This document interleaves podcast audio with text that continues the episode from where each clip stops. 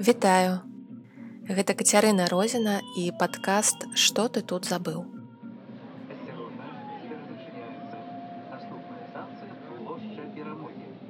Тут мы размаўляем пра гістарычную памяць трансгенерацыйную псіхалогію, пра тое, як наша учора ўплывае на нашае сёння і заўтра. Вітаю шаноўныя сябры. Дзякуй за такі цёплы прыём першага выпуску падкасту. І вашу цікавасць да тэмы нашага агульнага мінулага, яго ўплыву на кожнага з нас паасобку і ўсіх разам. Не перадаць словамі як цёпла на маім сэрцы калі открываю аналітыку і бачу як мы беларусы больш з 20 краін згуртоўваемся вакол нечага агульнага спачатку я планавала сённяшні выпуск як размову з даследчыкам халакосту спадаром яўгенам розіным усе супадзенні прозвішча не выпадковыя але ж вырашыла па-першае зрабіць свой асаблівы экскурс у тэму тэму уплыву сацыяльнай траўмы на сям'ю. Халакост шырока даследуецца псіхолагамі.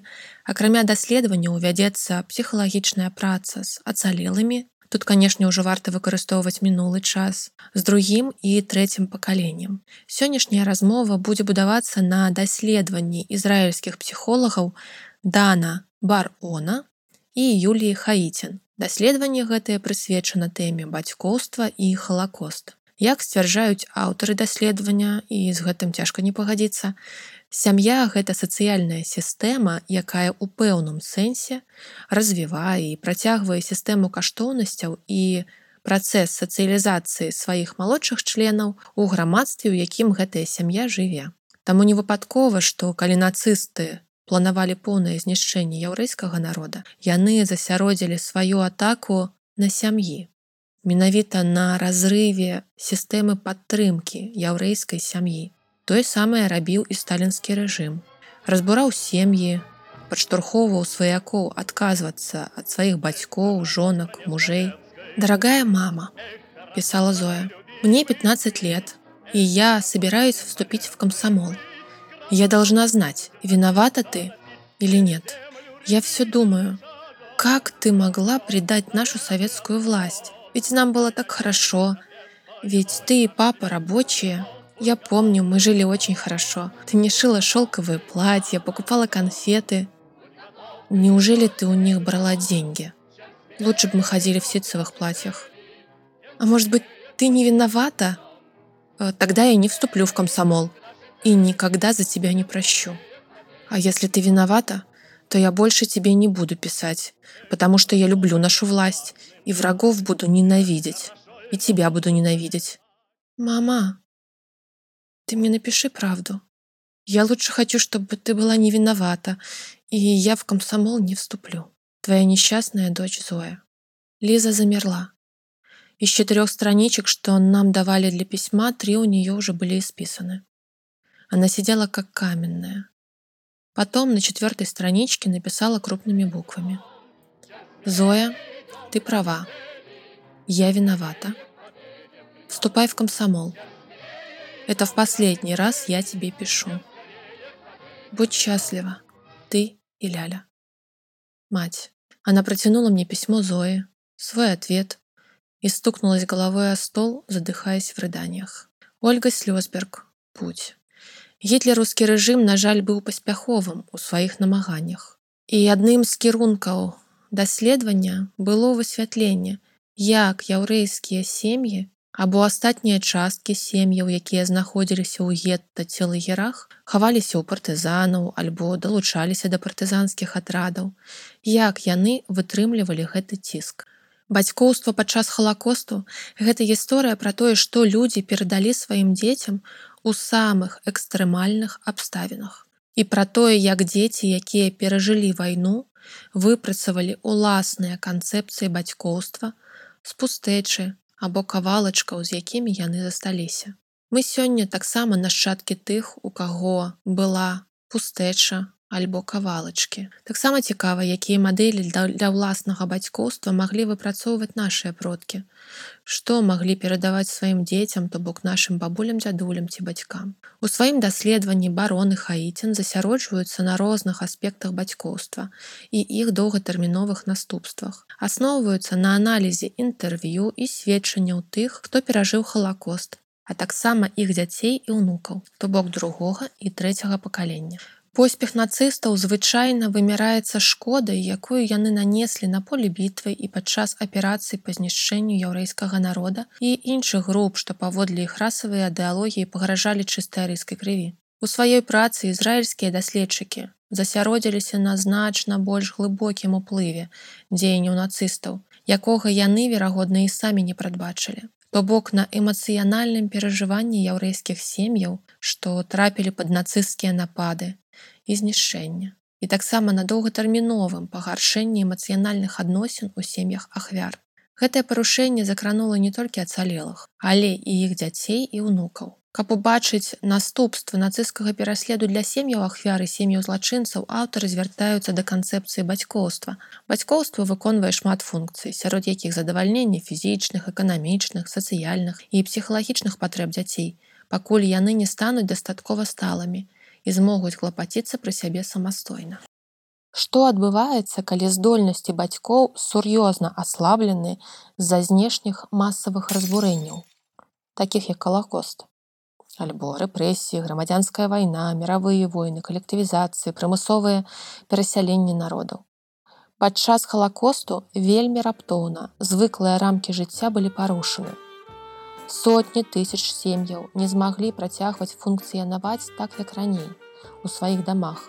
Жыць так як яны прывыклі ў адпаведнасці са сваімі традыцыямі і сацыяльна-эканамічным статусам.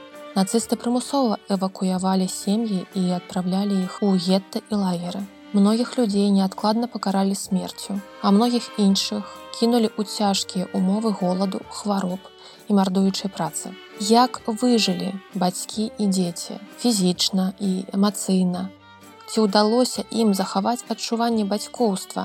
І калі так то якім чынам як пачуццё парушанага бацькоўства у адносінах да ўласных бацькоў паўплывала на стварэнне новага бацькоўства тых хто выжыў пасля халакосту у адносінах да сваіх дзяцей. Гэтыя пытанні і былі ў цэнтры ўвагі даследчыкаў. Матэрыялы якія выкарыстоўваліся гэта вынікі разнастайных псіхалагічных даследаванняў. Дзевяцігадзіннае інтэрв'ю зацалелым дзіцём дзяўчынка якую назвалі анат у гэтым інтэрв'ю. Гэта унікальная гісторыя жыцця і рэканструкцыі адносін маці і дачкі падчас вайны. Менавіта гэта інтэрв'ю прывяло даследчыкаў да пытання бацькоўства падчас і пасля халакосту. Акрамя гэтага выкарыстоўваўся глобальны аналіз інтэрв'ю з універсітэта Бенгурыёна і сведчанняў з музеяў халакоста ядвашэм у Іерусаліме. Гэтыя інтэрв'ю тычыліся менавіта канцэпцыі бацькоўства. Перш чым прадставіць свой падых, яны звярнуліся да псіхалагічнай літаратуры, што тычылася міжасобасных адносінаў у сем'ях тых, хто выжыў. Традыцыйна псіхалагічныя даследаванні фокусіраваліся на бацькоўстве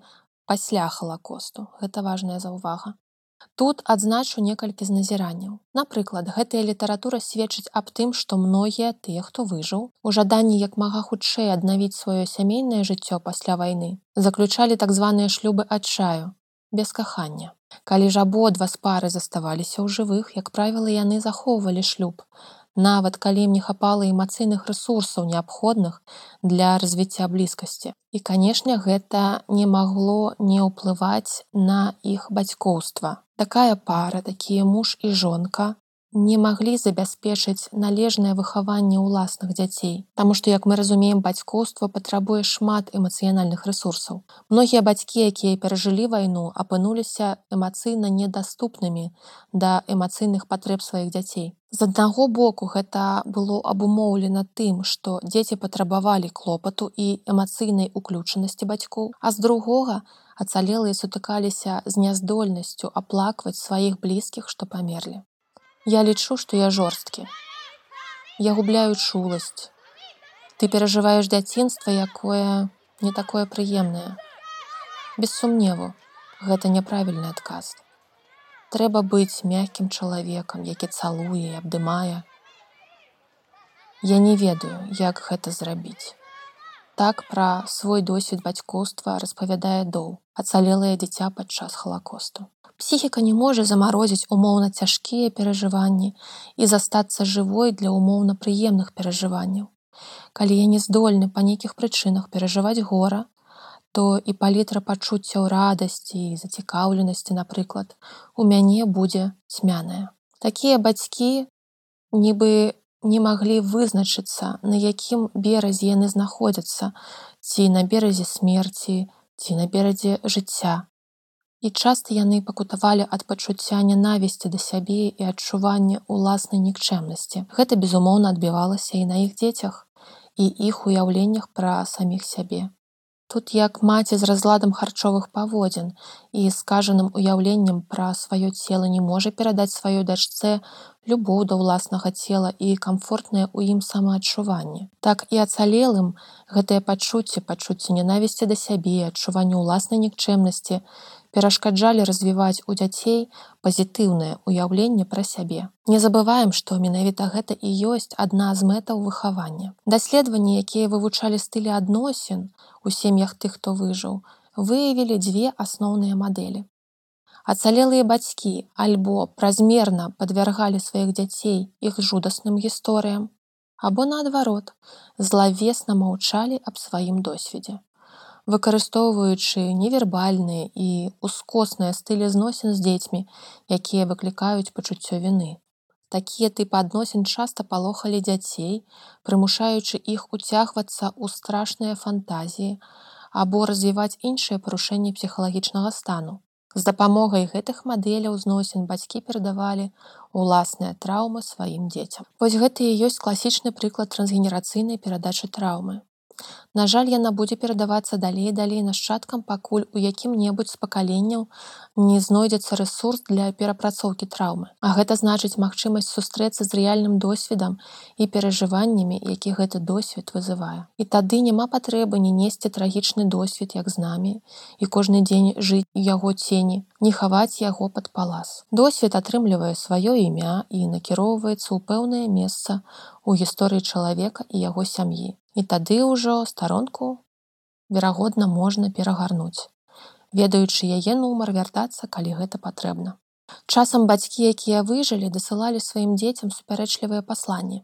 Напрыклад, дзецям адначасова казалі, што важна радавацца жыццю, пры гэтым самі бацькі знаходзіліся ў безупынным гараванні і аплаквалі памерлых сваякоў. Кожную раніцу я ўставала і слухала яго гісторыю. Кожную раніцу перад працай ён распавядаў гісторыю. У мяне не было спакойнай раніцы. Немагчыма слухаць гэтыя гісторыі, гэта дэпрэсіўна. Тады я пачала задаваць себе пытанні, чаму гэта адбываецца са мной. Чаму у іншых людзей раніцы лепшыя? Ведаеце, часам, калі ў вас добрая раніца, увесь дзень праходзіць добра. А ў мяне заўсёды былі дрэнныя раніцы. У мяне нават не было апетыту да ежы. Я не хацела есці. Думаю, таму у мяне не было апетыту. Я падушкі наклала на вушы, каб не чуць яго.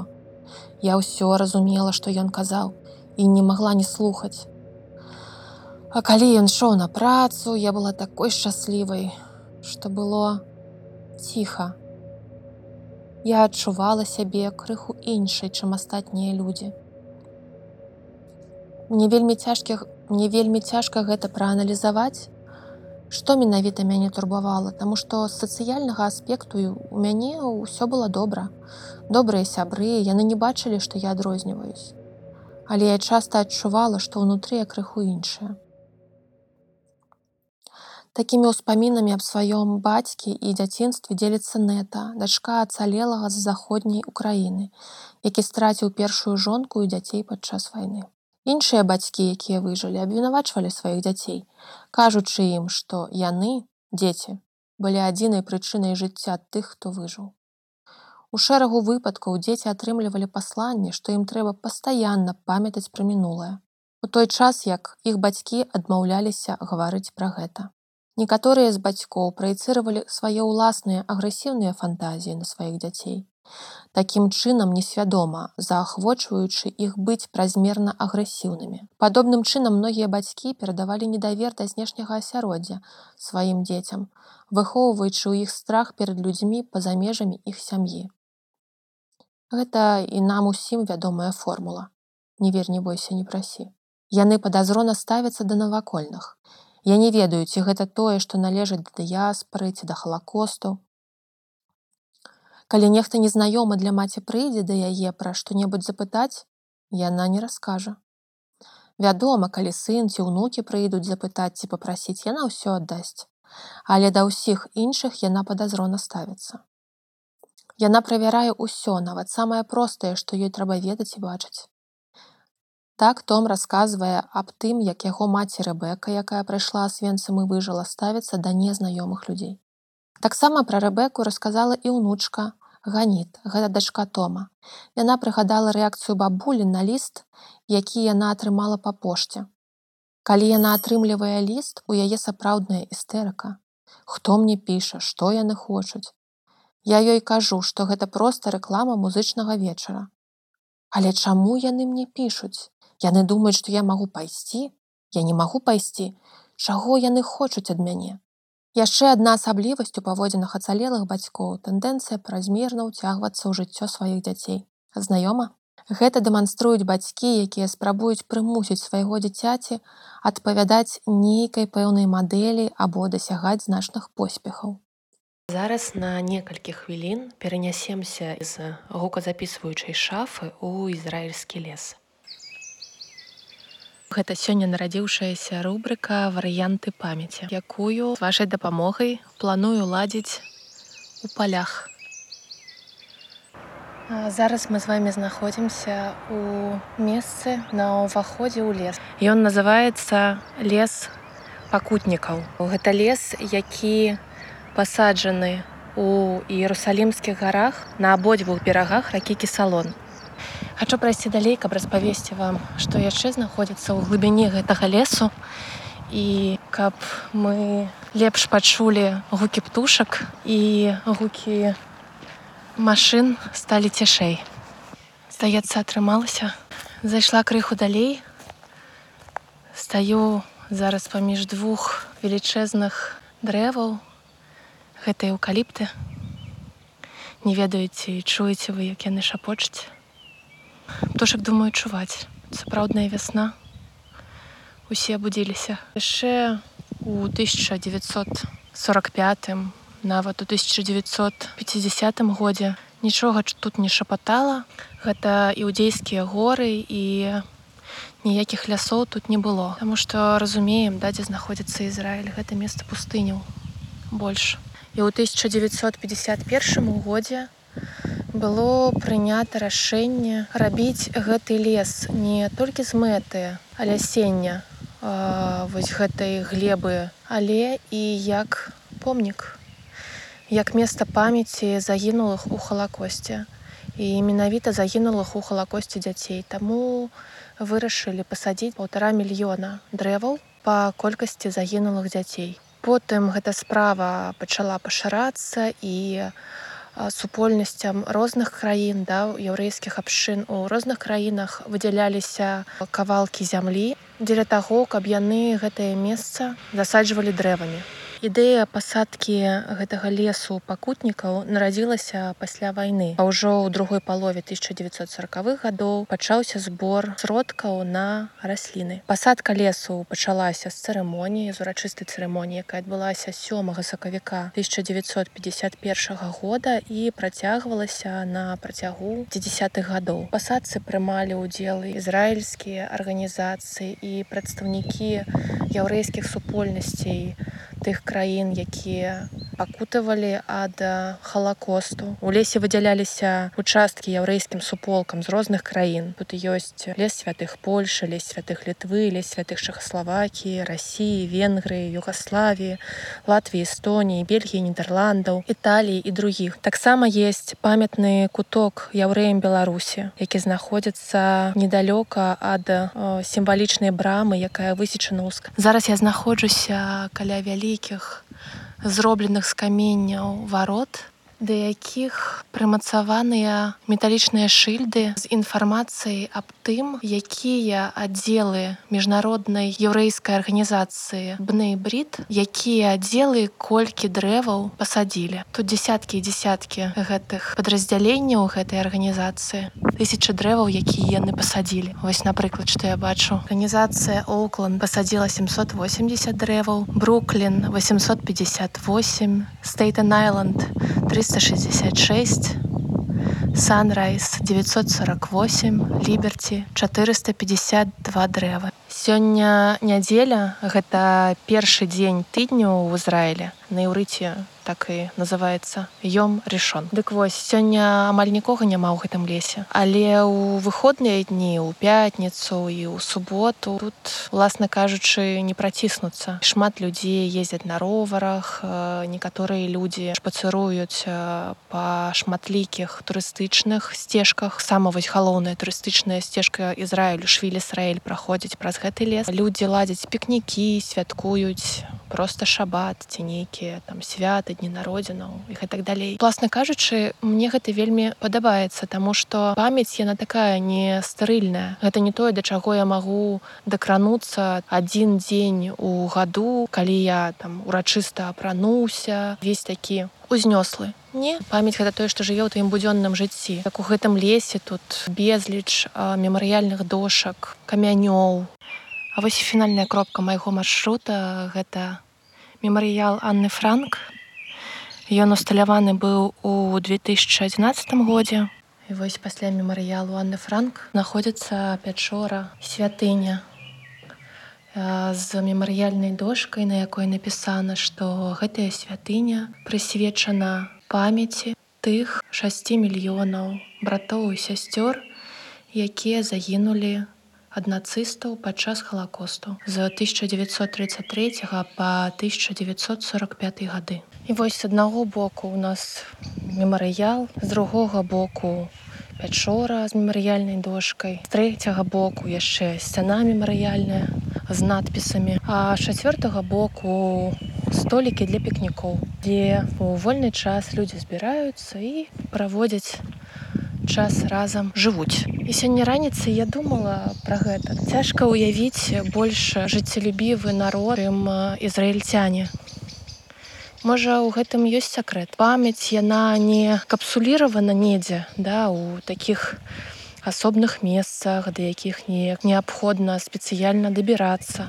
Яна проста тут у лесе сярод 6 мільёнаў дрэваў. Можа, гэта і дае сілу вось тое самае пытанне ад каранёў калі яны знаходзяцца паўсюль у прасторы і што я подумала что помнікі яны ж бываюць розныя варыянты памяці яны таксама бываюць розныя не абавязкова памяць гэта нейкі ўрачысты велічэзны помнік у цэнтры горада гэта могуць быць і дрэвы і вось такія дошкі і пячоры я запрашаю вас дзяліцца тымі варыянтамі памяці якія спаткаюцца на вашым шляху. Я бачыла што слухали першы выпуск людзі з 23 ці 24 краін будзе вельмі цікава калі вы будете звяртаць увагу на тое як беларусі альбо ў той краіне дзе вы зараз знаходзіцеся як жыве памяць пра што яна жыве праз якія формы. Дасылайце калі ласка свае назіранні я буду вельмі рада падзяліцца імі ў наступных выпусках падкасту.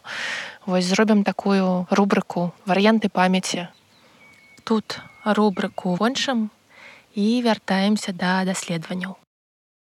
Даследаванне показала што бацькі якія выжылі часта празмерна адчувальныя і занепакоеныя паводзінамі сваіх дзяцей і празмерна абараняюць іх аж да ўмоўнага задушэння сваім клопатам. Я пакутавала ад спастычнага бранхіту, таму яны забаранялі мне скакаць на скакалцы або гуляць, Таму што пасля гэтага ў мяне быў вельмі моцны прыступ кашлю. Я любіла бегаць па пясчаных дзюнах, якія атачалі наваколле. Мы падымаліся і каціліся ўніз. Калі я прыходзіла дадому, я была вельмі чырвоная ад нагрузкі, а потым яшчэ і прыступ кашлю. Бацькі забаранялі мне скакаць на скакалцы, гуляць і бегаць. Не бяжы, не каціся. І было шмат гневу з гэтай нагоды. Гэта выклікала ў мяне моцны ціск, таму што калі я бегала на вуліцы і ведала, што мой бацька вяртаецца з працы, да я не хацела, каб ён убачыў, як я скачу праз скакалку. Я мяркую, што ўвесь клопат, страх і трывога былі за дачкі, якая нарадзілася пасля жудаснай трагедыі, якую яны абодва перажылі. Так пра сваё дзяцінства ўспамінае Эмда, дачка сенны, якая страціла ўсю сям'ю ў асвенцамі. Не толькі дачка стала аб'ектам надзвычайнага клопату і трывог, але ж і ўнучка Феліс, дачка Эмды. Пакуль яна была ў падарожжы на далёкім усходзе, у бабулі сенны здарыўся інсульт. У выніку Феліс скараціла паездку, каб вярнуцца дадому да бабулі. Нягледзячы на тое, што яна адчула палёгку ад таго, што яе бабулі стала лепш. Гэтая палёгка была змешаная з гневам на яе за тое, што бабуля даказала, што паездка Феліс выклікала стрэс, які прывёў да інсульту. Вельмі хацелася працягваць падарожнічаць. Мне вельмі спадабалася, я справілася і пасля таго я пачула пра інсульт. Вырашыла, што вярнуся. І мне было вельмі цяжка прыняць рашэнне. Мне было вельмі сумна. І мы вярнуліся і у маёй бабулі быў цяжкі перыяд. Але цяпер яна ў парадку. І я думаю, што я злавалася, гэта было бескантрольна. Я не хацела злавацца на яе. Яна не віны... яна не вінаваціла мяне, Але яна сказала, што хоча, каб Бог яе забіў. І таму ў яе здарыўся інсульт. Таму я не магу з'ехаць. Мая бабуля не хоча, каб мы з'язджалі. І я ведаю, што так яно і ёсць. Пра гэта вельмі цяжка думаць, але ўскосным чынам я выклікала ў яе інсульт, таму што хацела падарожнічаць. Такія паводзіны бацькоў перашкаджаюць іх дзецям стаць аўтаномнымі. І калі дзіцяці ўсё ж удаецца аддзяліцца, выкарыстоўваючы псіхалагічную тэрміналогію сепарыравацца. Яго ці яе часта разглядаюць як здрадніка альбо здрадніцу, ці таго, хто кінуў сваю сям'ю. Было выказана меркаванне, што прычына гэтага празмернага ўцягвання звязана з непераадольным адчуваннем тых, хто выжыў, што іх дзеці існуюць, каб замяніць усё, што было так траўматычна страчана. Адчуваеце, які цяжар аказваецца на плячах гэтых дзяцей. То бок мы можам пабачыць две мадэлі, якія характэрны для ацалелых у халакосці. Першае гэта зліццё, калі дыстанцыі паміж членамі сям'і зусім няма, а другое адчужэнне, калі дыстанцыя настолькі вялікая, што эмацыйная блізкасць стае немагчымай. Аўтары заўважаюць, што вялікая частка псіхадынамічнай літаратуры, якая тычыцца бацькоўскіх здольнасцей ацалелых у халакосці, даволі змрочная. Аднак прызначаюць, што гэтая выснова не падзяляецца паўсюдна і часам адкрыта крытыкуюцца як заснаваная галоўным чынам на клінічных кейсах. Напрыклад, даследаванні, у якіх дзеці тых, хто перажыў халакост параўноўваліся з дзецьмі тых, хто не быў закрануты халакостам, дэманструюць варыятыўнасць у міжасобасных адносінах у сем'ях закранутых халакостам. Больш за тое, нядаўняя літаратура аб доўгатэрміновым уздзеянні халакоста на тры пакаленні показала, што ў той час, як Канешне, праблемы часта існуюць паміж тымі, хто выжыў і дзіцём. Ёсць таксама відавочныя прыкметы моцных пазітыўных адносін у парах ацалелы дзіця ацалелага, дзіця ацалелага, унука цалелага і ацалелы унука цалелага. Сёння больш гістарычна і сацыяльна арыентаваныя навукоўцы, сцвярджаюць, што тыя, хто выжыў, мелі праблемы з выхаваннем не толькі з-за незваротнага ўрону нанесенага падчас халакосту, але і з-за сацыяльна-культурных пасл, калі эмігравалі ў новыя краіны пасля вайны. Мабыць, самым моцным метапасланнем была так званая змова маўчання. Грамадская норма, якая не дазваляла тым, хто выжыў публічна казаць пра свой досвед. У цэлым, аднак большая частка літаратуры, якая разглядае бацькоўства пасля халакосту, схільная маляваць даволі сумную карціну здольнасці тых, хто выжыў, забяспечыць сваім дзецям нармальнае сямейнае жыццё. Таму аўтары даследавання вырашылі прапанаваць іншую перспектыву, якая паспрабуе даследаваць феномен бацькоўства перад, падчас і пасля халакосту. Такая перспектыва дапамагла па-новаму вывучыць інтэрв'ю, якое было зроблена зацалелай дзяўчынкай, якую тут называюць анат. Гэтая дзяўчынка выжыла але ж стварыла пазітыўны досвед бацькоўства падчас халакосту. Мы паразмаўляем пра гісторыю гэтай дзяўчынкі, яе маці і, магчыма, паглядзім на ляльку, якую Анат пакінула ў музеі халакоста яд вашем у наступным выпуску.